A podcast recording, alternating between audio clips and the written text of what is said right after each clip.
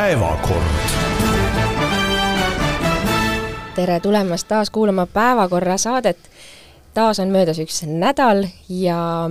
nädal on mõnusalt suvine, tervitame laulu- ja tantsupeo algust ja siin stuudios võtame ühiskondlikke teemasid Reilenderite ja Polka saatel kokku ikka kolmekesi. Indrek Rikko Maalehest, Urmas Jaagant ja mina olen Grete Lehepuu, meie oleme Eesti Ekspressist kuidas meeldis see tantsuline sissejuhatus, kas te tantsupeole lähete?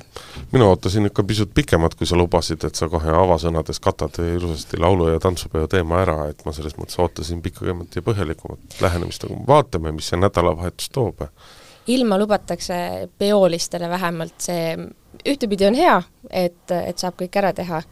mõnusasti, ei pea külmetama, teistpidi muidugi see leitsak ei, ei tee tantsimist ega laulukarjal seismist kindlasti lihtsamaks. no need eilsed uudised oli selles mõttes päris tegelikult nukker vaadata, et kuulsid, kuidas äh, noori tantsulapsi langes nagu loogu ja ega ei saa pahaks panna, kui nad seal staadioni katlas on ja kõik see päike lagi pähe paistab, aga nagu loodame, et läheb ikka hästi aga milliseid mustreid ja poogneid? Võtame saates täna? tänases päevakorras räägime presidendist või õigupoolest tema sõnadest, ta teatas nädala keskel pärast seda, kui oli kõik usaldushääletusega parlamendis vastu võetud eelnõud nii-öelda välja kuulutanud, et rohkem ta ei kavatse sellist praktikat tolereerida, on nendel sõnadel siis mingisugust tähendust, seda kindlasti küsime ja üritame vastust leida valitsus äh, on lubanud äh, pikalt põhjalikult kärpida, et äh, riigi rahandusliku olukorra turgutamises ei, ei lasuks kogu roll ja surve mitte ainult inimeste ja ettevõtete kaela, vaid ikkagi valitsus võtab ka oma osa. Ja nüüd on siis leitud tublisti viiekümne miljoni euro jagu kokkuhoiukohti, puudujääk mäletatavasti ulatub meil sinna kuskil miljardi juurde ja natukene peale räägime ka hooldereformist, mis äh, homme algab, aga juba küsitakse, kas see on omadega aia taha läinud, sest et äh, omavalitsused tõdevad, et raha neil ei ole ja ähvardavad riigi vastu kohtusse minna. Ja räägime kindlasti ka veel riigipiirist, sellest, kui kiire sellel on, kas on see siis tegelikult valitsuse prioriteet või mitte ja ega me ei saa üle ega ümber ka väikeste maakoolide teemast sellel nädalal tuli siis teade, et mitu maakooli Lääneranna, Lääneranna vallas ikkagi tõenäoliselt sügisest kinni lähevad, sest et äh, teise astme kohus esialgset õiguskaitset neile ei andnud. aga hakkame peale äh, suurtest äh, nii-öelda kõrgetest asjadest, Kadriorust ähm,. Tõepoolest, president siis kuulutas äh, välja äh, portsu äh, eelnõusid, mis siis, või õigemini seaduseid tegelikult, mis olid siis temani nüüd jõudnud äh, Riigikogust pärast seda, kui nad olid seal vastu võetud äh, seotuna valitsuse usaldusküsimusega, kõik olid Riigikogus kenasti selle äh, hääletuse vastu pidanud ja president pani neile allkirjad alla ja pidas oluliseks siis ka väikese sellise avalduse teha selle juures, kus ta ütles päris mitu huvitavat asja. Mm, üks huvitav asi oli see, et äh, pärast seda, kui ta oli natukene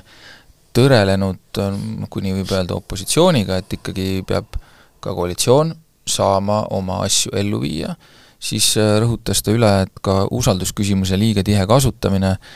ei pruugi olla nagu põhiseaduspärane ja sellega ei tohi minna liiale, küsimus on siis, millal sellega siis liiale minnakse, ja ütles sinna juurde ka, et ähm, äh, kui minnakse liiale, siis põhimõtteliselt siis tema ei kavatse seda, seda asja sallida. nüüd ähm, mida see siis nüüd nagu peaks tähendama, et et ei kavatse sallida, et äh, noh, hea küll, eks, võime mõelda nii, et aga mis siis nagu üle jääb, mis, mis, mis siis, mis siis Alar Karis nagu teha saab. et ähm, no ma siin enne korraks vaatasin põhiseadusesse, põhiseaduse kommenteeritud väljaandesse sisse ja ega seal on öeldud küll nii palju, et ähm, noh, president saab jätta, mida president peab tegema, president peab vaatama seda, kas äh, sea-, seadus on nii-öelda, kontrollima selle ehtsust, ehk siis kas see noh, see tekst on sama, eks ole, mis siis vastu võeti Riigikogus, vaatama, kas menetlus on olnud põhiseaduspärane, mitte ainult ka eelnõu sisu, seadus sisuliselt, vaid ka menetlus, nii et võib-olla siis see on see koht, millele president nagu viitab, et et kas see menetlus, ütleme, kui tuleb, ma ei tea, kolmekümne neljas usaldushääletusega seotud seadus, on ju, et kas see siis on ikkagi nagu põhiseaduspärane enam või ei ole? no tegelikult kogu selle vaidluse juures olen kuulnud sellel nädalal nii presidendi kohta väga kiitvaid sõnu, et ta asja ruttu ära tegi, kui ka inimesi, kes varjamatult presidenti sussiks nimetavad, viimasega ma ise küll päris hästi nõustuda ei taha, aga peame meeles pidama, et sa tõid välja selle tahu, et president peab vaatama, kas seaduse menetlus on olnud põhiseaduspärane ja järgmine samm on siis selles, et president peab veenduma, et seadus ise oleks põhiseadusepärane ja kui ühes neist kahest on mingisuguseid probleeme, siis on presidendil võimalus see tagasi lükata, parlament saab asja ümber vaadata, otsustada, kas ta nõustub kriitikaga või mitte, kui ta muutmata kujul vastu võtab, siis tavaliselt on järgnenud, et president ei kuuluta välja ja see asi läheb Riigikohtusse, kes põhiseaduspärasust otsustab. ehk tegelikult muid nagu võimalusi presidendil ei ole. ja seetõttu noh, see, see kõlas nagu mõne silmis nagu uhkelt ja väärikalt, aga paraku on nii, et ega nendel presidendi sõnadel ju mingisugust tähendust tegelikult ei ole, sest et äh, president ei saa mängida sellega, et see võib olla vastuolus põhiseadusega, kui presidendil oli tunne, et asjade selline käik on vastuolus põhiseadusega, siis oleks president selle pidanud praegu ära kontrollima ja praegu ära tegema. see, et võib-olla need asjad on põhiseadusega vastuolus või ei ole põhiseaduskohased, ma siis järgmine kord reageerin, noh, see ei ole nagu presidendi poolt õige, õige lähenemine. ehk tegelikult äh, suured ja kõlavad sõnad, aga sisu nende taga on vähe, et äh, ma ei näe seda võimalust, et presidendil oleks väga suurt võimalust millegi vastu võidelda ja kui me mõtleme mõtleme nüüd äh, viimasele Riigikohtu lahendile, mis puudutas siis seda opositsioonilt eelnõude ja arupärimise esitamise õiguse äravõtmise kohta, siis ma ei usu ka, et nüüd Riigikohtust võiks tulla mingisugune sellesisuline otsus, et see kõik võiks kuidagi põhiseadusega mitte kooskõlas olla. Mm, ma tahaks äh,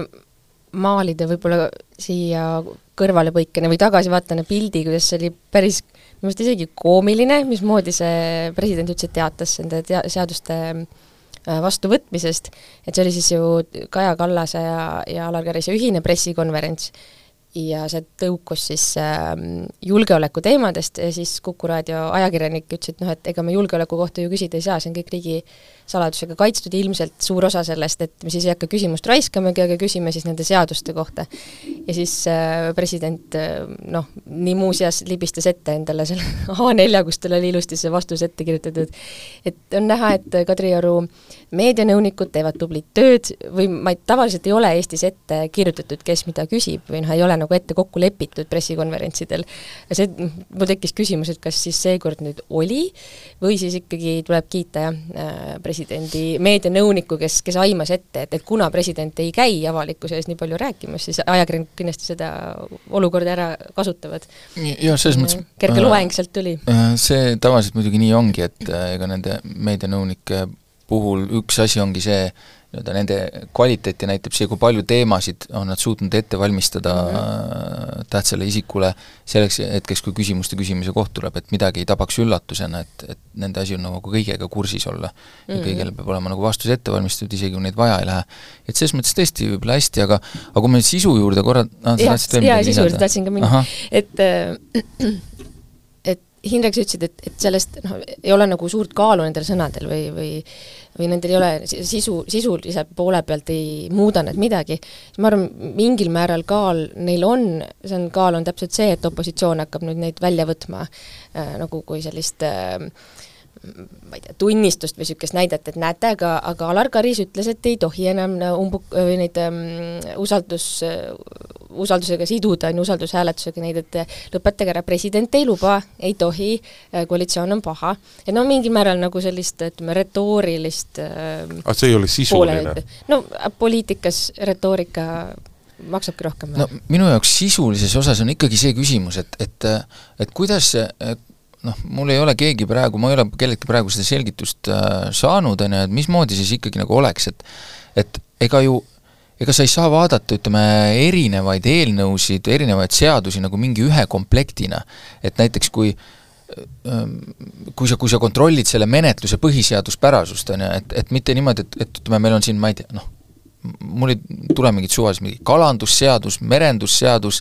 ma ei tea, autode ülevaatuse seadus, no mis iganes, noh, neid ei ole olemas, aga ütleme niimoodi et sul on niisugune pundar, siis sa ju, president ju kontrollib neist igaühe põhiseaduspärasust, et, et kui, ei, kui president ei kontrolli mitte seaduse põhiseaduspärasust, vaid ta kontrollib selle konkreetse muudatuse, noh ka praegu no, jaa, oli ju okay. see abieluvõrdsuse küsimus, et see oli ju kobareelnõu, kui ma õigesti mäletan, mis see suurusjärk oli, kuuskümmend üheksa erinevat seadust või niisugune kümneid erinevaid seaduseid, kus muudeti mingisugune nagu lause ära. ta kontrollib iga selle muudatuse põhiseadust, mitte iga iga selle seaduse. jah, aga, aga ma räägigi, need on, need on erinevad asjad, et kui sul on, kui sul on noh, eelnõudel on, eks ole, numbrid küljes, need on erinevate numbritega, eks ole, eelnõud, need on eraldiseisvad nagu asjad. et, et ütleme, kui, kui, kui sul on viisteist eraldiseisvat asja, mis on kõik võetud vastu usaldushääletusega, kas siis saab öelda, et see komplektina nüüd on rikutud kuidagi põhiseadust, et et kui sa võtad, hindad igat ühte neist eraldi, siis see on absoluutselt äh, seaduspärane, põhiseaduspärane, kui igaüks neist on võetud vastu usaldushääletusega, mõistate, mis ma öelda tahan, eks mm? -hmm. et, et, et kas, kas president saab hinnata, et kuna sellele seadusele nüüd eelnes veel äh, kümme sellist, mis olid seotud usaldushääletusega, siis nüüd see enam ei ole nagu põhiseaduspärane, et see, see tundub mulle nagu kummaline. või et kui komplektist üks näiteks, ühega on mingi probleem aga asi ongi selles, et juriidiliselt nad ju ei ole komplekt, nad on mhm. eraldiseisvad ühikud, eks. et sa ei saa, sa ei saa hinnata äh, ühte seadust selle järgi, äh, mis sulle toodi kabinetti enne, mis oli täiesti teiseteemaline seadus, mis võib, mille protsess oli täpselt sama olnud. ta lihtsalt oligi sama, aga see ei tee ju seda järgmist ega eelmist kuidagi nagu põhiseaduse vastaseks. võib-olla teeb, ma ei tea, sest et mulle lihtsalt tundub, et neid ei saa nagu äh, ütleme, kui see, kui president hindab menetluse põhiseaduspärasust, siis ta saab hinnata ikkagi ju selle konkreetse tüki puhul mitte et, mitte et see, mis talle võib, mis kõik enne veel oli või ja pärast tuleb, et et äh, ei saa ju olla nii, et eelmine seadus, täiesti teiseteemaline seadus mõjutab kuidagi kas mingi teine seadus on põhiseaduspärane, ma ei oska seda lihtsamalt seletada, aga ei no me jõuame tagasi sellesama küsimuse juurde, juurde, millest me eelmine nädal rääkisime selle Riigikohtu otsuse puhul, et et ei ole mõtet rääkida äh, rääkida mõistetega, et liiga palju, liiga palju seadusi on vastu võetud usaldushääletuse abil, sellepärast et see liiga palju tuleb kuidagi sisustada. vastasel juhul ei ole sellel jutul lihtsalt mõtet, et et kui meil on mingisugune seadus hakkab tulevikus ütlema, et et ametis olev valitsus tohib nelja aasta jooksul usaldushääletusega siduda viis eelnõud siis me saame aru, meil on viis, neli on okei okay,, kolm on okei okay,, kuus ei ole enam okei okay., me... aga liiga palju, liiga vähe, mõistlikul määral, see on kasutu. Jah, aga me, no ma ei hakka uuesti seda asja läbi vaidlema, on ju, et ega seda numbrit me eelmine kord ka ju kokku lepitud ei saanud või ka omavahel sa ei suutnud ka ütelda, et kust see piir siis, kes selle piiri peab tõmbama? mina küll, mina, mina ikka oskaks öelda, mina ikka oskaks öelda seda ainult, ainult nüüd, nüüd kui ma eelmine kord vaidlesin sellele, et see asi on äh, Riigikogu otsustada, siis nüüd on mul kõvemad argumendid, nüüd on tegelikult ka president ütles seda oma selles avalduses, et see, see asi peab olema Riigikogu, äh, ma nüüd tsiteerin, need piirid peab täpsemalt määratlema Riigikogu ise, sest muidu sekkuks teised võimuharud liialt parlamendi tegevusse. tsitaadi lõpp, aitäh ma arvan, president kuulas sind. täpselt seda ma eelmine kord ka ütlesin ja äh, ma arvan, et äh, nii see nagu ongi, aga nüüd, nüüd veel huvitav, mis selle juures on, et kas teile ei tundu, et president natukene siiski tahab siin mingisugust äh, nii-öelda rolli omada selles protsessis, et see asi kuidagi liiguks kuhugi poole, et ma ei ütle praegu, et kas see on hea või halb, aga mulle lihtsalt praegu jääb mulje, et, et mingi selline plaan on siin oli kas eile või üleeile, üleeile vist äh,, käis ka Isamaa esimees Urmas Reinsalu sellisel äh, üks-ühe, üks-ühele kohtumisel presidendiga, noh, ma mõtlesin, et kas see võis olla ju seotud ka sellega, kuna ta on äsja valitud mm, -hmm. eks ole, ta võib-olla ei ole nüüd esime-, er-, Isamaa esimehe rollis presidendiga selliselt kohtunud, et siis nagu nüüd toimus. aga nüüd, nüüd natuke oleneb, kas nüüd siia järgnevad mingid teiste erakondade esimeestega sellised üks-ühele kohtumised, et kui, kui hakkavad järgnema, siis siis on selge, et president püüab siin äh, kujundada mingit protsessi või sellist nii-öelda vahemehena leida sellist ühisosa äh,, kuidas seda olukorda nagu lahendada, sest et noh, ilmselt on ka tema aru saanud, et need tegelased ühte ruumi kokku paigutades vist ei anna parimat tulemust, pigem tuleb seal ruumi pärast koristaja tellida. et, mhm. et selles mõttes ta võib-olla üritab võtta mingit sellist positsiooni seal sellise nagu vahemehena. eks tal on keeruline selles mõttes, et ähm, meie president ei ole poliitiline ja kohe, kui ta mingisuguseid poliitilisi vihjeid emmale-kummale, mis iganes parteile või maailmavaatele teeb, äh, nende pooldamiseks või vastu, ta saab kohe tohutu sahmaka kaela, on ju, et tõmba tagasi oma kuuti, istu seal oma roosas lossis ja ära, ära siin noh, täida oma põhiseaduse eesmärki, on ju. teistpidi jälle äh, kohe, kui on kisma, ma arvan, ma arvan, meil siin või mingites muudes arvamussaadetes oli ka, et, et kui need ähm, ööistungid Riigikogus teatud maale juba läksid, hakati nagu piidlema Kadrioru poole, et no oleks nagu vaja, et keegi nüüd liistule tõmbaks inimesed, no ja siis, kui president seda tegi oma kõnes, siis oli nagu väga hea, et nüüd on, vot nüüd on asi tõsine. president võttis teema üles, on ju. et ta peab ju kuidagi äh, sekkuma, aga teistpidi jah, et et ta ei saa nagu ka sekkuda, sekkuda, on ju. et ta saab nagu ähm, aidata mingisuguseid läbirääkimisi teha, aga ma ei tea, kuhu see saab välja viia. no vot, nüüd selle teema lõpuks meie jutt hakkab nagu, jutuvool hakkab õigesse sängi jõudma, et et sinule meeldivasse sängi või? selles mõttes, et äh, presidendi üks roll on olla tasakaalustaja ja üks roll on olla see kodurahu tagaja. ja kui me oleme tänasel hetkel parlamendis jõudnud, jõudnud olukorda, kus äh, nii-öelda koalitsiooni suurim erakond ja opositsiooni suurim erakond ei suuda omavahel sisuliselt kahekesi koostööd teha ja mingeid kompromisse leida, aga siin on ilmselgelt vaja kompromiss, kompromissi leida, siis kui nüüd Alar Karis sellega hakkama saab ja kindlasti ta peab proovima ja see minu arust ongi tema kui presidendi ülesanne, seda lahenduse leidmise proovimine, et kui ta saab sellega hakkama, siis on ta ikkagi väga kõva mees ja ta on teinud rohkem kui nii mõnigi teine president Eesti Vabariigi ajaloos, sest et seda kompromissi on võima-, tarvis leida, muidu see meie sisuliselt järgmine neli aastat lihtsalt möödub kui ainult ühes kraaklemises ja kaklemises. Ja öö, riigi poliitikute, parlamendi kõigi usaldusväärsus ainult langeb, sest et keegi ei suuda lõputult taluda seda lõputut kraaklemist ja ja, ja see on presidendilt väga õige nii-öelda rolli võtmine. üks risk siin muidugi on, Urmas, sa pealkirjastasid oma selle nädala poliitikaradari jääkeldriga ma arvan, see on risk, et seda küll ei tohiks nüüd kuidagi tekkida või siis noh, ma ei tea, minu poliitiline mälu võib-olla ei ulatu nüüd nagu nii kaugele, võib-olla ma mäletan kuidagi äh, kõverpeeglis seda, aga mulle tundub see, et see jääkeldri äh, mõiste tähendab, et see asi on kuskil sügaval maa all ja me, et seal ei ole läbipaistvust. et me seda nüüd ka ei tahaks, me, me, selles mõttes see oleks tõesti väga vinge, kui Alar Karis suudaks panna erinevad osapooled kuidagi rääkima omavahel, aidata seda nagu sõlme lahti teha, aga see ei tohi olla mingisugune, et me nüüd koguneme kuskile keldrisse ja, ja siis jutustame omavahel jah, ma olen sellega nõus, et jah, jääkeldriprotsessil ka see maine on, teine, mis selle mõte oli, oli ka nagu tegelikult ju rahustamine, et, et see oli ka põhjus, miks ma selle oma Külmadus. uudiskirjakese niimoodi pealkirjastasin, et noh, ongi see mõte, et, et president võtab selle rahustamise äkki enda kätte, et selles mõttes ma olen jaa, väga nõus, Indrek, sinuga, et et see olekski nagu presidendi roll ja kui ta sellega toime tuleb, ka sellega olen nõus, et see oleks väga kõva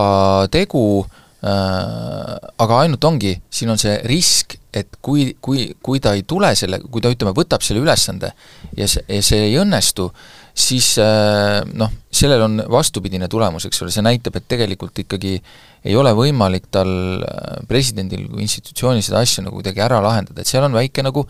selline äh, nii-öelda risk äh, on olemas, ütleme niimoodi, et no panus on päris nagu suur selle koha peal, et äh, ma lisaks siia juurde või selle, et eelmine president Kersti Kaljulaid on ka avaldanud selles osas oma mõtteid, äh, kus ta on äh, leidnud, et tegelikult peaksid ikkagi noh, Kaja Kallas ja, ja siis EKRE esimees Martin Helme selle asja kuidagi omavahel ära klaarima ja see initsiatiiv peaks tulema Kaja Kallaselt, et nüüd, nüüd meil on päris mitmeid erinevaid nagu mõtteid, kuidas kuidas seda asja peaks nagu lahendama ja päris nagu kõrgelt tasemelt, et et no ma loodan nagu kõige selle nagu tervikuna seda, et see ei saa nüüd, nüüd enam lihtsalt jääda selliselt, et äh, praegu on suvel, on pausi peal ja siis, kui rannapüksid jälle nagu viigipükste vastu vahetatakse, et siis hakatakse jälle uuesti sama koha pealt nagu edasi, et et see tuleks nagu ikkagi selle suve jooksul kuidagi ära klaar-, klaarida, et et me ei oleks sügisel nagu samas seisus ja kui see nõuab eelmise presidendi pingutust ja nõuab ametis oleva presidendi pingutust, siis mm, siis ma loodan, et see vähemalt nagu kannab vilja. Aga lähme edasi ka valitsuse teemadega, teadupoolest ju riigieelarve ootab äh, priskeid kärpeid, suuri kärpeid, sellepärast et sinna priskelt lisatulusid on väidetavalt justkui juurde hangitud siis eesseisvate maksutõusude, erinevate toetuste vähenemise ja mille kõige, kõige muu näol, aga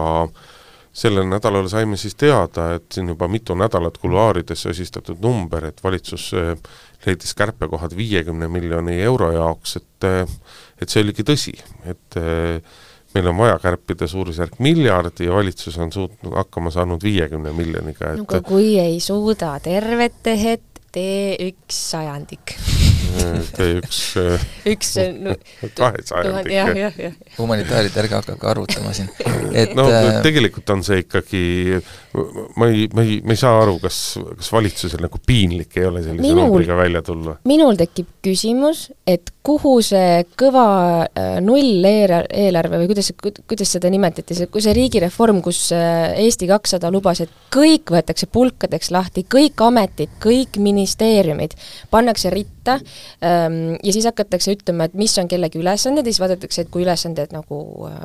duubeldavad kuskil ennast või isegi neljakordistavad, siis pannakse need ühe asutuse alla kokku ja vot nii tekib meil kuluefektiivsus, nii me saame siis öö, mingisugused ametkonnad võib-olla kokku, koomale tõmmata, mingid ametikohad kokku oota, kas sa personaalse riigi mõistet kasutasid juba või? ei kasutanud veel ei, ei ole päris Eesti kahesaja jutupunktid sada protsenti. et kus see nüüd jäi siis, sealt pidi tulema ju kokku? see ei jäänudki mitte kuhugi, see ongi täpselt nii, nagu see alati läheb, et et kummalisel kombel on niimoodi, et äh, nii-öelda uued võimule tulijad alati arvavad, et kõike, mida on seni tehtud, nii nagu on tehtud, on võimalik teha paremini, kuidagi teistmoodi. ja lihtsa et, vaevaga. et uskumatu, uskumatu on see küll, et äh, et need protsessid, mida on aastaid paika loksutatud, Äh, et, et siis nüüd järsku selgub, et need ongi kõige efektiivsem viis, kuidas neid teha. ja et see, kuhu meil raha kulub, et need ongi päriselt kohad, kuhu meil on tarvis, et see raha kuluks. Üllatus, üllatus. et, et see läheb alati täpselt samamoodi, min-, mina ei saa aru, kuidas see ikkagi kogu aeg õnnestub maha müüa, see mõte, et et äh, neid asju on kuidagi võimalik teha teistmoodi, et see praegune süsteem, et keegi on hoidnud püsti jubeda vaevaga täiesti ebaefektiivset süsteemi, võib-olla kümme aastat, viis aastat ja seda ei ole ringi tehtud, sest keegi lihtsalt ei ole tahtnud. ja, ja nüüd, nüüd on mingi lihtne võimalus, kuidas seda saab teha, ei saa. et selles mõttes äh, on see ikkagi nagu väga hämmastav, et, et alati arvatakse, et kuidagi on see võimalik. ma muidugi nii naiivne ei ole, ma pean lisama, et, et ma arvaks, et äh, valimistest praeguse hetkeni, mis on möödas, on siis valitsuse moodustamisest on mööda kaks kaks pool kuud, kolm kuud, et sel ajal oleks pidanud selle tohutu riigireformi ära tegema, et aga jah, et ma, Kaja Kallas sellele ka ei viidanud, et kuulge, meil on pooleli, varsti me juba on kakssada miljonit äh, kärpida, on ju. no küsimus on tegelikult ju selles, et äh, keegi ei tegele sisuliste küsimustega. Äh, meil on vana laul sellest, et meil oli riigireformi siht, sihtasutus, lugupeetud ettevõtjad, sugugi mitte kõik see rumalamad inimesed panid kokku terve päris korraliku paketi ja niisuguse juhtnöörid riigile, kuidas käituda, mida teha kõik see on täiesti noh, üle parda visatud ja siis tegeletakse nagu noh, tegelikult pseudokärpimistega, et sellel nädalavahetusel me siin ennem saadet arutasime, kas teemana käsitleda eraldi või siin ei tõusnud teema väga lendu, aga no see, see kaunis näide sellest, sellest nädalast, kuidas koolispordiliidult ja maaspordiseltsilt jõud võetakse ära neli, kokku suurusjärk nelisada tuhat eurot, eks ole, olukorras, kus äh, meil on, meil on, meil on laste ülekaalulisus, laste vähene füüsiline liikumine, kõik need on, need on, probleemid on suuremad, kui nad kunagi varem on olnud. ja siis sellistes kohtadeks hakatakse nagu, sealt hakatakse nagu kärpima, need on need head kohad, sellepärast et natukene kraaksutakse ja siis vaibub maha. ja pealegi lapsed ju ei vali ka, noh, et ükski valija hääle ei lähe. et mingisugusele kunstimuuseumile, mille sada tuhat leiame, aga koolispordi edendamiseks me ei leia raha ja, ja noh, et, et ega tegelikult siis hoolimata nendest kõigi kaunitest sõnadest, aga me oleme siin ju ise ka mitu korda öelnud, et ega Eesti kakssada on, ta on päri-, ta on tavaline erakond, ta ei ole mingisugune uus eriline erakond. ega sisuliselt nagu riigireformi, riigi ülesannete, kõige sellega, ega sellega ei ole keegi suurt tegelenud. no siin on see suur häda on ju see, et, et need, kes peavad nüüd praegu neid kärpekohti otsima, need on, need on ministrid, eks ole, kes on oma nii-öelda selle haldusala ees, ehk siis selle juhid, et no äh, täiesti ilmne, et äh, nad leiavad nagu pigem põhjendusi, miks mingit raha on väga hädasti vaja või juurde lausa vaja, selle asemel, et leida mingeid kohti, kust seda ära tuleks võtta, sest et neil on ju ikkagi tähtis ka oma selle nii-öelda valdkonna äh, toetus ehk siis äh, polegi, polegi üldse imestada, et nad sealt midagi eriti ei leia, kui nad, kui neil, kui neil pole soovi oma nii-öelda haldusalaga järgmised aastad kõik nagu tülis olla ja võib-olla selle tõttu isegi oma ametiaeg nagu väga lühikeseks jätta seal selle valdkonna ees, nii et äh, selles mõttes tõesti äh, siin Joakim Helenius Eesti kahesajast on pakkunud välja, eks ole, jälle sellesama, jõuame jälle sellesamasse kohta, et võiks olla mingi väline töögrupp, eks ole, mida sa ütlesid, riigireformi sihtasutus, sihtasutus., oli olemas, oli olemas., tegi töö ära. ja nüüd, nüüd põhimõtteliselt, mida Helenius on ERR-is öelnud, täpselt sama asja, teeme jälle uue sellise töögrupikese, kes siis, kes siis ei oleks need ministrid, aga see probleem on täpselt seesama, et et need, et Äh, ministrid on need, kes peavad kärpima, aga nad ei taha, sest nad tahavad seda valdkonda juhtida ja olla heades suhetes selle, selle valdkonna inimestega ja nad ei, nad ei leia neid kärpekohti. ja, ja noh, vaata kui neid kärpekohti otsustatakse või, või otsitakse, siis alustatakse alati nii-öelda nagu kaugemast kohast piltlikult öeldes otsustatakse, et kaks spordiseltsi raha ei saa, selle arvelt kärbitakse. aga ei kärbita selle arvelt, et kes teile seda raha jagavad või kes neile seni seda raha on jaganud ja kes seda nii-öelda raha kasutamist on kontrollinud, aga, aga, aga kui te raha ei anna, siis teil ei ole ka kontrolli vaja. ja et et nii-öelda ministeeriumite enda kallale minnakse nagu väga napilt, aga tegelikult see peab hakkama sealt niimoodi tõusma. aga põhiline on siiski see, mis on meie riigi ülesanded, milleta riik saab hakkama, milleta ei saa hakkama ja see, niimoodi peab hakkama minema ja see on muidugi kõik see, mida siin mõni poliitiline jõud lubas, aga läks nagu tavaliselt. aga Indrek, kas ähm, Eesti riigi ülesanne noh, mingite suurte ülesannetega, on kooskõlas see, et me anname Djiboutile ja Somaaliale viiskümmend tuhat eurot, et äh, hakata e-teenuste kasutuselevõttu kuidagi planeerima? noh, see vot, see on see nüüd see kaunis küsimus, et, et ühest küljest, mis meiega siis juhtub, kui me seda raha ei anna, et justkui ei juhtu nagu mitte midagi, aga samas, kui me oleme nii-öelda me ei saa sellest võib-olla ise aru, aga me oleme nii-öelda paarikümne protsendi rikkamate riikide hulgas on, on Eesti Vabariik kõigest hoolimata, et kas meie kohustus on siis nõrgemaid, eh, nõrgemaid aidata või, või ei ole meil seda või et kas Võru mööblivabriku pärandil põhinev avastuskeskus väärib sada kahtekümmet viit tuhandet eurot Eesti riigieelarvest? ei noh, me võime ju hakata selle peale mõtlema, et, et kas on äh, kas on, kas on Arvo Pardile järjekordset keskust vaja, kas meil on vaja filmilinnakut olukorras, kus konkurendid kõik on edasi kapanud? me leiame väga kas palju argumente on... selle toet-, toetuseks tegelikult, kõigi nende asjade toetuseks. me leiame nende toetuseks palju argumente, me leiame ka nende nii-öelda mittetoetamiseks palju argumente, et eks see küsimus Urmas ongi... läheb lendu kohe tooli pealt. jaa, see, see ongi täpselt seesama asi, et millest ka Indrek tegelikult rääkis, et alustatakse valest otsast, ehk me hakkame pihta sellest sendi saagimisest, nendest mm -hmm. üksikutest projektidest. aga nendega on hästi lihtne öelda, miks neid vaja on, sellepärast et need kõik tulenevad mingisugusest suuremast arengukavast, kus on kirjas äh, eesmärgid, mida nendega soovitakse saavutada, hästi lihtne on ära põhjendada äh,, miks neid on tarvis, sest need lähevad kokku mingi pikema eesmärgiga, mis on kõik väga hea ja õige. nüüd, kas keegi on vaadanud üle need pikemad projektid, need arengukavad, et kas need, nendest suundadest on midagi kärpida? ei ole, Urmas, ei jaa, ole. okei okay., aga võtame, kui me võtame seal mingi teise suuna, eks ole, siis võib selguda kohe, et mingi terve hulk, mitte sada kakskümmend viis tuhat, vaid võib-olla kaksteist koma viis miljonit kuskilt on vabanevad sellepärast, et me kitsendame mingisugust suunda mi-, nii-öelda laiemal tasandil, eks ole. et, et selle asemel, et saagida neid sente nende üksikute objektide põhjal, noh, oleks ju loogiline, et me tege-, et tege-, me alustame kõrgemalt, ehk siis vaatame üle need laiemad suunad ja siis selgub pärast, et mingid projektid jäävadki kohe nagu nii-öelda välja sellest äh, nii-öelda see... suunast, ehk siis ehk siis kas meil on üle vaadatud need eesmärgid, eks ole, see tundub nii triviaalne, aga need eesmärgid, kuhu me tahame, eks ole, jõuda ja mida me tahame oma riigiga teha. jaa, aga see ei aita meid järgmise aasta eelarve ega ka selle spordiklubi või mis sa ütlesid, selle jõud, äh, neid, neid see ka ei aita, sellepärast et need e-, need suured eesmärgid, arengukavad on tehtud nelja, viie, kümne aasta perspektiivis ja ma arvan, et äh, inimesed, kes tegelevad, on see Somaalia e-riigiga või Võru mööblivabriku avastuskeskusega, neil on juba õigustatud ootus, et riik neile appi läheb. no aga nojah, ma saan aru sellest, takistus, suurperedel oli ka õigustatud ootus, eks ole, et nende toetused no, on, aga okay. ei olnud mingi probleemi jaa, aga seda, seda sa ei ole heaks kiitnud, on ju, et see, et seda nii tehti, on ju, et seda sa ju ei tahaks, et, et selline riik meil jätkuks, ühesõnaga, kokkuvõttes ma kardan, et et see tulemus on, saab olema selline, et need nii-öelda tulupooled eelarvesse või leiti nagu väga ruttu, ei saa öelda, et see oleks lihtsalt läinud, äh, aga need leiti ja päris nagu korralikud, aga kulupoolega äh, paraku läheb vist jah nii, et võib-olla leitakse siin veel midagi juurde, ma eeldaks, et see võib-olla sinna viiekümne miljoni peale ei jää, et ikkagi see venitab sada välja. avalik, nojah, on ju, et avalik selline noh, see on ju tegelikult natuke naeruväärne, oleme ausad, et, et see, seda võib-olla ei elataks üle maineliselt, et pigem proovitakse sinna ikkagi midagi juurde leida. no see tulemus on lühidalt öeldes ikkagi see, et me näeme uusi makse. sest et me ei tohi unustada, et meie riigieelarve on jätkuvalt miinuses, praegused maksutõusud, mis ära tehti, nendega katab ära selle nii-öelda maksuküüru kaotamise, põhiline asi, millest meil räägitakse, hüppeline kaitsekulutuste kasv, selle katteks meil raha ei ole ja riik ei saa ainult laenu peale, ta ei saa loota, nii et meil tulevad no, maksutõusud. üks asi, mille peale loodetakse, ma arvan, kuhu on ka võib-olla paar kitse juba ohverdatud, et äh, majanduskasv, mulle tundub, et see on asi,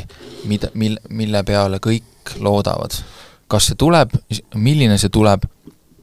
mina ei tea ja tuleb kindlasti, aga tuleb nadi, sellepärast et riik äh, kõigi kärpimiste ja asjade kõrval, ta nii-öelda, ega ta majandusse ei panusta mitte kuidagi aga järgmiseks teemaks äh, vaatame võib-olla siis äh, neid nii-öelda asju, mida siis äh, see valitsus on nagu lubanud teha ja hakanud ka juba hoolega tegema, üks sellistest asjadest on nii-öelda see hooldereform, ehk siis mille nii-öelda noh, reklaamlause vist oli umbes midagi sellist, et äh, inimesed... tasuta hooldekodukoht igale eakale ja abivajajale? no põhimõtteliselt jah, et, et see raha siis peaks tulema sellest, et inimesed saavad äh, saavad hakkama nende summadega, omavalitsused saavad need nii-öelda kinni maksta, et inimene ise sinna äh, panustama justkui siis ei pea, et äh, noh, muidugi ilmselt pärast on tulnud välja siin nagu detaile, et päris nii lihtne see kõik ei ole ja edasi, aga paistab, et selle reformi puhul või selle muudatuse puhul on selgunud äh, tõsiasi, et ei ole olnud ka päris täpselt teada, kui paljudele ja kellele siis tegelikult ikkagi läheb. Ja raha jaotamisel praeguse info põhjalt mulle tundub küll, on pandud ikka päris korralikult mööda, ehk siis omavalitsused on saanud, äh, mingid omavalitsused on saanud oluliselt vähem, kui neil tegelikult vaja oleks, ja mitte lihtsalt see, et neil vaja oleks, vaid neil on lihtsalt inimesi rohkem, kes äh, sellele teenusele nii-öelda kvalifitseeruvad, kui nüüd sellise ametniku keelt kasutada ja veel, veel enam need in-, nende inimeste siis nagu arvestatud ei ole ka seda, et peaks eri piirkondi kuidagi kaaluma erinevalt, sellepärast et näiteks Lõuna-Eesti inimeste sissetulekud on madalamad, mis tähendab, et pensionid on madalamad, aga ega seal hooldekodude eest väga palju madalamat tasu ei küsita, et et need, siin nagu mitmes poolest vist on mingid valemid jäetud arvetamata lõpuni. Maaleht on sellel teemal päris palju kirjutanud ja ega me siin saateski oleme rääkinud vist korra või, või kaks sellel teemal äh,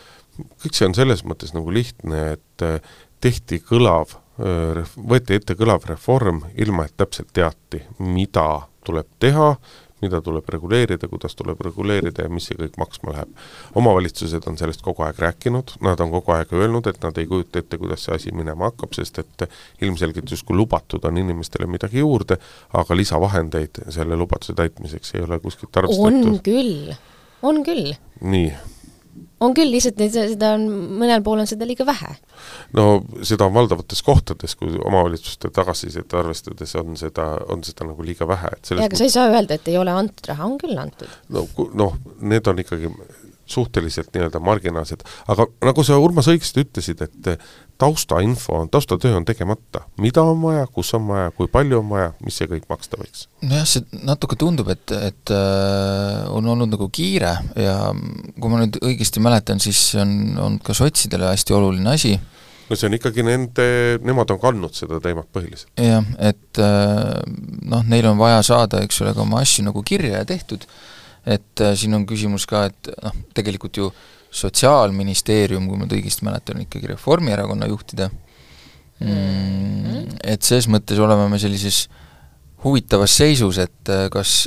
kas nad ikkagi on saanud ütleme, sotsid siis oma valimis nagu lubaduse eest äh, piisaval määral seista, kui nad ise ei juhi seda ministeeriumi, et kas no, kas need asjad on läinud nagu piisava kiirusega? kahe, kahasse ikkagi, Riina Sikkut on terviseminister, Signe Riisalo sotsiaalkaitseminister. jah, noh eks nad peavadki seda siis seal kahasse nagu jagama, on ju. et ähm, mina ei tea, mulle näib see asi nagu kiirustamisena välja ja üldiselt üsna, üsna halb, et, et äh, ma ei mäleta küll, mis argumentidega seda nii-öelda omavalitsuste nagu selliseid äh, hoiatusi mingites kohtades tagasi lükati, aga ma eeldan, et need olid üsna enesekindlad, aga see tulemus nagu väga hea ei ole, nüüd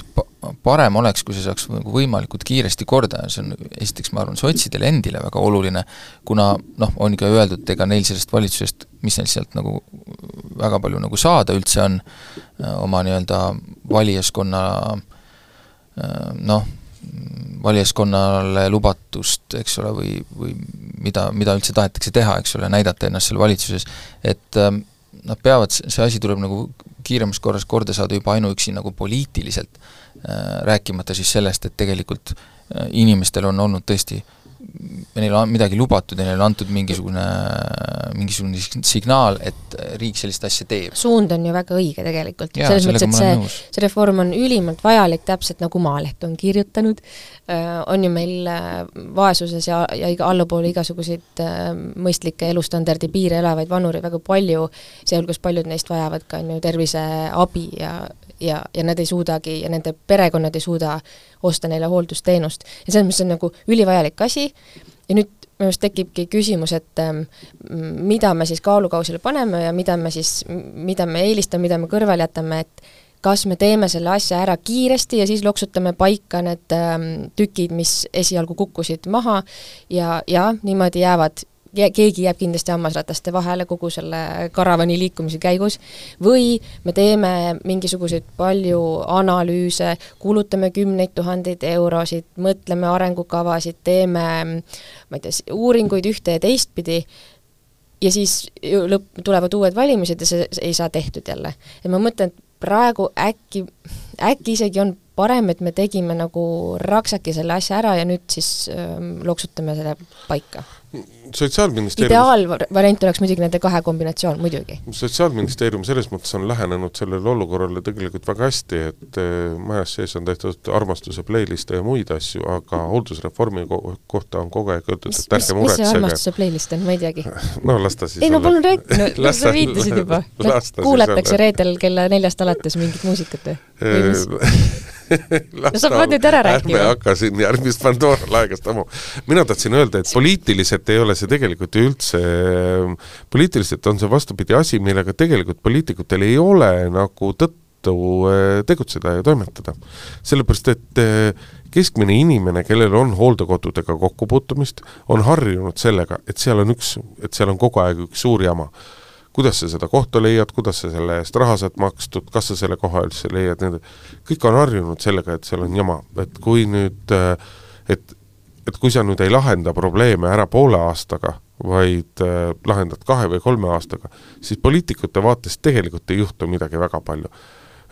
Jah, mingites kohtades saab äh, saab Sotsiaalministeerium hagu alla, saab puid alla, aga, aga keskmine valija ei taju seda kõike sugugi mitte niimoodi sa leidsid nüüd armastuse playlisti üles? ma leidsin ja... üles ja ma ei suutnud guugeldamata jätta, ma leidsin üles hoopis äh, jõulude ajast ühe playlisti. Helijälg kaks tuhat kakskümmend üks, igaühel on südamelaul, igaühel on Sotsiaalministeeriumi armastuse playlisti ei ei leidnud, no las see no, siis olla. ma arvan, et, et nende mõttes... playlisti koostamise nagu pisut üle võlli näitas sul. väga nunn asi. see no., see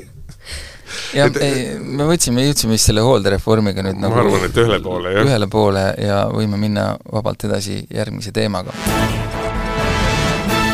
järgmiseks teemaks riigipiir äh,, sellega on nagu ikka äh, jälle küsimus selles, et kas ta valmib äh, piisavalt kiiresti, kas sellega jokutatakse, kas sinna pannakse piisavalt raha selleks, et ta tuleks piisavalt tugev ja hea või, või ei, ja need asjad on omavahel tavaliselt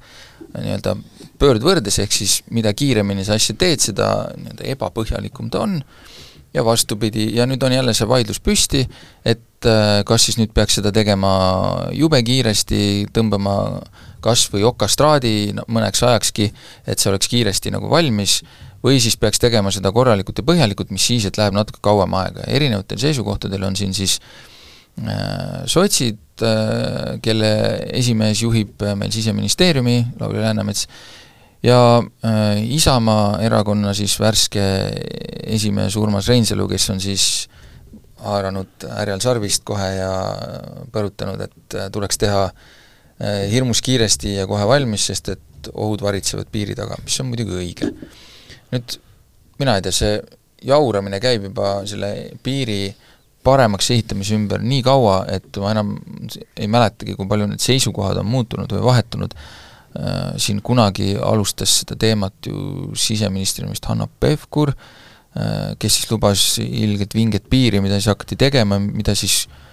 ma võin nüüd eksida, kui ühel hetkel kärbiti vähemaks, sest et see olla olnud liiga ambitsioonikas, huvitav oleks tegelikult vaadatagi need tollased artiklid üle, kas need, kas need ideed, mis tollal esitati praegu, tunduksid enam ambitsioonikad et äh, võib-olla isegi ei tundu, et selgub, et, äh, et tehnoloogilisest plaanist kindlasti, et jah. need vahepealsed ideed, äh, no ma mäletan mingit niisugust juttu, et, et kas on ikka nii vaja ja ma ei tea, noh, piltlikult öeldes iga meetri peale mingit drooni nagu õhus püsima, midagi sellist, mille peale siis ühel hetkel öeldi, et äkki me ikka pingutame üle, kallis ka, ja siis nagu kärbiti seda natuke väiksemaks, noh, ma ütleks, et nüüd tagantjärgi võiks öelda, et äkki ei peaks et äh, minu, minu seisukoht on, et pigem võiks minna, las siis läheb natuke kauem, aga teeme siis nagu ta siis juba nagu ikka korralikku. no kuldne küsimus ja kaunis küsimus on, et kui palju kauem sellega läheb, et et siin on ka et neid erimeelsusi on palju olnud ja teine asi see, et noh, et sellest kõigest tuleb nagu avatult ja selgelt rääkida, et et ükski koalitsioonipoliitik tänasel hetkel ei ütle, et piiri pealt tahetakse või piiri pealt mõeldakse kokku hoida, kuigi tegelikult nii-öelda kabinetivaikuses kärpekohti otsides mõeldakse ka sellele, et et, et see protsess peaks olema nii-öelda nagu aus ja avatud, see on, see on väga oluline, aga praktilises mõttes jah, et kui me selle suure piiri välja ehitame, siis jah, ühest küljest me küll tunneme, et nii-öelda tavalises olukorras meie piir saab paremini kaitstud, kui tuleb mingisugune noh, ei taha kurja kutsuda, aga kui sõda tuleb, siis ei ole muidugi vahet, kuidas see piir kaitstud on, kas on praegu need äh, lõiketraadirullid, kuhu loomad kinni jäävad või, või on seal mingisugune mitme kõrge, mitme meetri kõrgune okastraadiga müür? alustame ikkagi kõige olulisemast, Siseministeeriumil ei ole ühtegi playlisti Spotify's. küll aga on neil taskuhääling siseturvalisuse teemadel. Äh, tasuta reklaamiminut riigile um, ma, ma lugesin Raivo Aegi pistet äh, Lauri Läänemetsa suunas ja siis äh, lugesin seda Lauri Läänemetsa selgitust, mille peale siis Raivo Aeg haaras arvuti ja hakkas trükkima ja ma ütleks, et Läänemets oli nagu veenvam oma jutus, et aeg heidab talle ette, et, et ta ei vasta Reinsalu küsimusele, et miks sa siis seda üheksateistkümmet miljonit ei võidelnud endale ja praegu meil oleks juba nagu suurem hoog sees, no Läänemets ütleb, et et vahet ei ole, kui palju seda raha on, selles mõttes, et see ei pane nagu asja kiiremini valmima. kui mõnevõrra võib-olla tegelikult paneks ilmselt, on ju, kui sul nagu massikled peale, jah, aga noh, see üheksateist miljonit selles kontekstis vist ei aita nagunii küll aga mis, millega ma olen võib-olla Raivo Aegi kriitikas nagu nõus, on see, et, et Läänemets ütles ka, et noh, et siis et see, see projekt on hästi mahukas ja hästi mitmetahuline ja et meil ei ole mõtet nagu ehitada valmis algusest tara ja siis hakata sinna klopsima juurde hiljem jõudluse järgi mingisuguseid droone ja muid, muud tehno, tehnoloogiat, et lisaks sellele ägedale piirile, mis on väga high-tech valvatud, eh, ehitatakse siis sinna need välja siis mingisugused teed või, või kiire netiühendus nendele inimestele, kelle kelle juurest see piir läbi jookseb. et jaa, see, see on natuke nagu madal võte võib-olla pugeda selle taha, et me tahame inimestele head, et ärge nüüd laske, ärge kiirustage meid takka, muidu me ei saa tehtud seda. see on, see viimase miili interneti teema, see on nii tundlik ja seal nagu härra Läänemets, te jääte kohe alla, kui me hakkame seda lahti võtma, et palju riik on tegemata jätnud. ja see, et, et seal idapiiri peal nüüd mingi kilomeeter ära tehakse, see pole mingi argument no,. siin on ju küsimus on ikkagi ju põhimõtteliselt selles, et Indrekul oli õigus selle koha pealt, et ega mingit sõda see piir ju kinni ei pea, on ju, et et mm. küsimus on siis, et milleks me seda teeme, mida, mida me tahame saavutada sellega. ja kui me tahame saavutada seda sellega, et takistada noh, illegaalseid piiriületusi takistada, selliseid asju, et mida me oleme juba näinud, on ju, et kogutakse mingisugused äh, inimesed kellegi äh, juhendamisel äh, Kremlist näiteks mingi piiri taha ja siis pressitakse nad sinna vastu piiri et takistada, takistada ka seda, et meie oma inimesed ei eksiks üle piiri ja et meie oma inimesi ei varastataks üle piiri ära. jah, et, et kui me, kui me need eesmärgid nagu paika paneme ja mõtleme, et need on need, need asjad, mida on vaja teha, siis siis mulle tundub, et et praegu ju suures pi-, pildis see juba nagu toimib, mingisugused lõigud on valmis, mingisugused lõigud võib-olla nii palju tähelepanu ei vajagi, sellepärast et et sealt noh, soomuk niikuinii läbi ei lähe sellest soost ja inimesed ka mitte, et seal võib-olla sellega nii kiire pole, on ju, et et kuna, kui, kui meie eesmärk pole kinni pidada sõda, on ju, siis, siis võib-olla meil ei ole sellega nagu nii kiire, et me saame teha sellise korraliku, mis annab meile ka nagu eelhoiatust sellest, mis nagu kuskil toimub ja nii-öelda annab piirivalvele aega reageerimiseks, tegelikult ARA peab lõpu, lõpuks ikkagi kinni ju looma, on ju, ja inimest lõpuni mitte, aga ta tõmbab maha tempot inimestel, kes kes kavatsevad seda piiri ületada või on seda juba teinud, et piirivalve, ehk siis inimesed jõuaksid nagu reageerida, eks? No samas jällegi, vaata, me ei saa üle ega ümber ka sellest, et et seda juttu, et, et et ootame, kuni meil on äh, rahalises mõttes lihtsam ja teeme siis nagu paremini, et ega me ei saa selle jutu peale ka nagu lõputult jääda, sellepärast et seda hetke, kui riigil on raha kõige jaoks, mida vaja on, seda hetke kunagi ei saabu. ja alati on tarvis kuskilt natukene kokku hoida, et et kui kaua me siis venitame selle piiri väljaehitamisega. no kahtlemata on praegu kõige parem aeg, sest et äh, ütleme äh,, nii-öelda konjunktuur soosib praegu selliste teemadega tegelemist ja avalikkuse jaoks on need kindlasti õiged asjad sellega tegeleda, et selles mõttes noh, kindlasti peaks selle, selle asja peale praegu panema äh, kogu auru, mis nagu on, et äh, seni, kuni see nii-öelda olukord soosib äh, sinna nagu selle raha kulutamist, aga ma ei leia ka, et et praegu oleks midagi kapitaalselt valesti tehtud selle asjaga. aga räägime saate lõpetuseks pisut ka, ka väikestest maakoolidest, sellel nädalal tulid uudised kohtust, et esimesena siis Metsküla väikekool pealt paarikümne õpilasega äh, et nad jäid ilma oma esialgsest õiguskaitsest enda sulgemise osas, ehk äh, kohalikul vallal on võimalus sügisest see kool kinni panna. ma, ma ei taha ühest küljest tõmmata lahti seda, avada seda Pandora laegast, et hakata siin leidma seda kohta, et mis siis on see mõistlik õpilaste arv ja mis hetkest on mõtet kooli pidada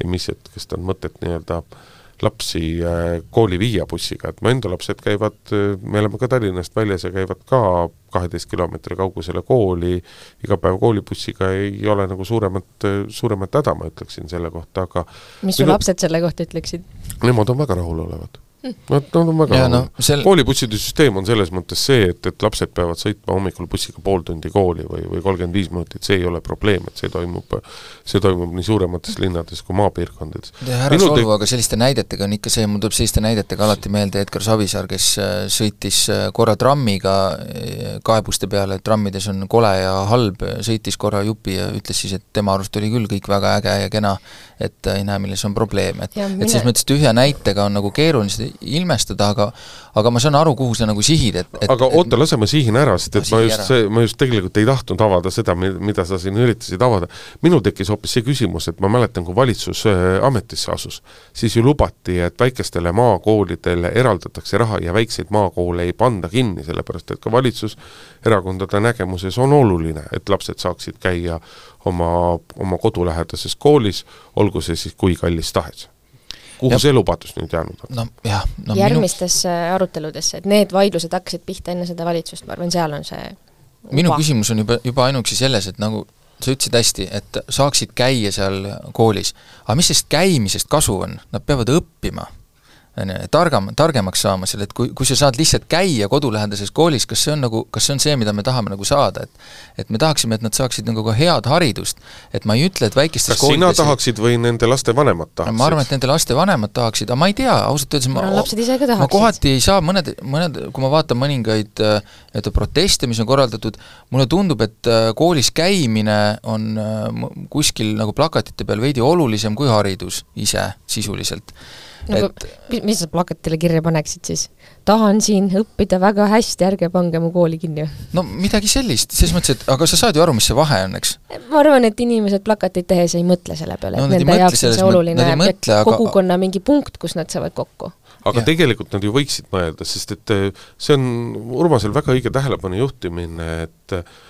see on, see on nagu riigi investeeriminegi, et, et kas investeerida betooni või in-, investeerida protsessi inimestesse ja kõigesse sellesse. ja samamoodi on ka see koolide, koolide küsimus, et see asi, see tihtipeale unustatakse ära nii-öelda, et, et, et paljude väikeste maakoolide häda ei ole ju mitte nii väga see, et neil ei oleks raha endale palgata õpetajaid, aga lihtsalt ükski õpetaja ei ole valmis minema null koma kolmese koormusega kuhugile kohta, kuhu ta peab iga kord edasi-tagasi sada kilomeetrit sõitma. Virtsu koolis või Metsküla koolis, kus on olemas need õpetajad, miks me neile ei lase siis äh, töötada räägi, kodu ma, ma ei rääkinud siinkohal nagu konkreetsetest koolidest, vaid, vaid põhimõtted kui sellist. jaa, aga võikski teha erandeid vastavalt olukorrale, Urmas, ma ei lasknud sul üldse lõpetada ei, ega Virtsu, aga ega Virtsu koolis kes... ja Metsküla koolis ei ole ka see õpetaja, heade õpetajate leidmine sugugi mitte lihtne jah, ma olen, ma olen nagu selles mõttes nõus, et, et siin peabki säilima see nagu paindlikkus, et, et mingites kohtades peab neid otsuseid tegema ühtpidi, mingites kohtades teistpidi ja ma tean, et see kindlasti ühe, üht või teistpidi otsuse saanud koolide jaoks on see alati ebaõiglane, äh, osadele tundub, et miks nemad jäävad alles, aga meie mitte, kui enam-vähem kõik asjad on nagu sarnased, noh, et seal ongi, see on nagu väikestes asjades kinni ja mingites kohtades tõesti on tarvis nagu säilitada neid äh, pisikesi koole, aga kas igal pool, sellega ma nagu, ma, ma ei ole selles kindel, sest et et lõpuks me peame vaatama, et meil ikkagi jääb raha nende haridusse, mul on silme ees ühest Aktuaalse Kaamera äh, saatest üks klipp, kus näidati mingisugust vana mõisakooli, tohutu suur betoonist hoone, mille kütteks kulub meeletult raha ja kus oli vist mingi küm-, alla kahekümne õpilasi käisid seda, aga kütte tuleb kogu aeg, et noh, et et sellise, kui me suudame selliseid asju, ma saan aru, see ongi kõige lähem kool, eks ole, see tekitab hirmsat ebamugavust, kui peaks kuskil mujal käima, aga võib-olla kui see raha jääks alles, noh, võib-olla ma kõlan naiivselt, aga äkki oleks võimalik seda kulutada äh, mitte no näiteks kas või uue kergliiklustee rajamiseks, eks ole, kus saaks nagu suve ajal, tähendab, mitte suve ajal, aga kevadel ja sügisel, kui ilmad kannatavad, eks ole, käia kuidagi lihtsamini mingisse teise kooli, no mis iganes, ma praegu lihtsalt suvaliselt mõtlen, aga aga et, et panustada seda raha siis juba nagu hariduse nagu kvaliteeti.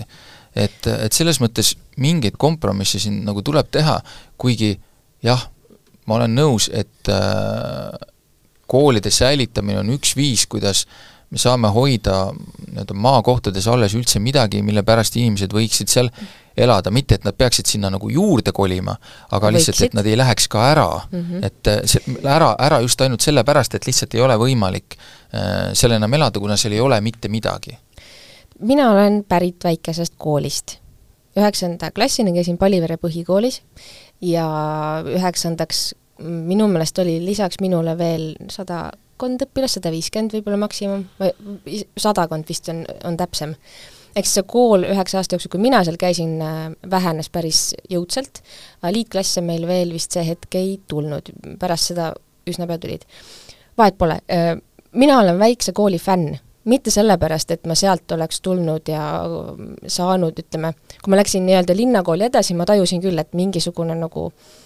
kvaliteedivahe võib-olla on, et maakoolis on väga lihtne olla viieline, teha kõik asjad ilusti ära, linnas siis äh, sa, sa satud mingisugusesse suuremasse konkurentsi. aga see ei tähenda, et ma sain halvemat haridust. ja mis veel olulisem minu meelest nendes väikeste koolide puhul on see, et kui sul on väiksem klass, ähm, siis sa kasvad kuidagi rohkem inimeseks või, et õpetajal on, on aega sinule pühenduda rohkem Äh, te oma nagu klassiga, te ajate, esiteks te olete kuidagi nagu samast külast pärit, te olete nagu ma ei tea, te kasvate koos üles selle kõige paremas mõttes teete koos pättusi ka võib-olla, on ju. aga et kuidagi see, minu meelest, mis on nagu probleem ja millele on ka ju pedagoogid viidanud, et näiteks need tohutud suureklassid, mis on Tallinnas, tekitavad probleeme sellega, et et lapsed, kes vajavad järjest rohkem isiklikku tähelepanu, nendeni lihtsalt ei jõuta. ja me kasvatame üles neid samu noori, kes on nagu hädas omaga, en-, endaga, et et neil ei see ole Palivere kool on alles veel või? jaa, aga aga miks sa, miks sa siin, võlgu, kas ta on juba kuueklassiline või saab kuueklassiline, ma ei miks sa mäleta siin praegu. suures Tallinnas elad, miks sa siin Paliveres ei ela siis? aga Paliveres ei ole Eesti Ekspressi, kus tööl käia. et, äh, et me, me jõuame, me jõuame ma tahtsin öelda seda, et, tegelikult et need väiksed koolid, et see ongi see, kuidas inimestesse panustada, ma arvan, me ei pea jõuga hoidma lahti neid koole, on ju, et see, see ei ole ka mõtet, ei ole mõtet kütta nagu mõisahoonet, ei no aga see jõuga lahti, lahti hoidmine ju praegu käib. jaa, aga, aga ma ei tea, äkki on mingisugune kompromiss, et kui need, kui Virtsu elanikud tahavad nii väga, ma ei tea, võib-olla peaks mingi referendumilaadse asja korraldama, on ju, et aru saada, et kui palju nad tahavad, kas nad on võib-olla ise nõus nagu mingisuguse väikse panuse andma, kuigi ma juba maksan makse, miks ma ei saa oma maksudest seda, mis, mis mulle on ette nähtud, minu lastele on ette nähtud, kus ma elan, selle aruteluga me ei jõua kuhugile, praegune küsimus on ikkagi see, et et, et valitsus loomisel lubas, et nad tegelevad selle küsimusega, praegu ei näe me HTM-i mitte kui haridus- Nad ei saa ju tagasiulatuvalt hakata, no ei, okei, ei, no kõike kõike saab, kui praegusel hetkel läheb valitsus näiteks Lääneranna valda, ütleb äh, sealsele vallavalitsusele, et äh, anname teile juurde sada tuhat või kakssada tuhat eurot, et te saaks oma koolid lahti hoida, siis ütlevad äh, need vallad, et fine, okei okay,, me ei pane ühtegi kooli kinni. et äh, HTM-il on aega tegutseda võib, küll. võiks üle võib-olla vaadata küll selle, selle nii-öelda power move'i, mis tehti, et, et kui te tahate riigigümnaasiumit või et kui te tahate ilusat kooli, mille riik teile ehitab ja omavalitsuse rahakott jääb üsna puudutamata, siis pange need äh, ebakulutõhusad väiksed koolid kinni, et see võib-olla, ma saan aru, see on see nügimise meede, aga võib-olla see tuleks üle siis vaadata aga tõmbame siinkohal tänase saate otsad kokku, tund saab kohe täis, inimesed kibelevad, kes tantsupeole, kes laulupeole, Urmas Jaagant, Grete Lehepuu ja Hindrek Riika olid stuudios, veedame ilusa suvise nädala ja järgmisel reede hommikul tuleme taas stuudiosse. aitäh! Kuulmiseni! päevakord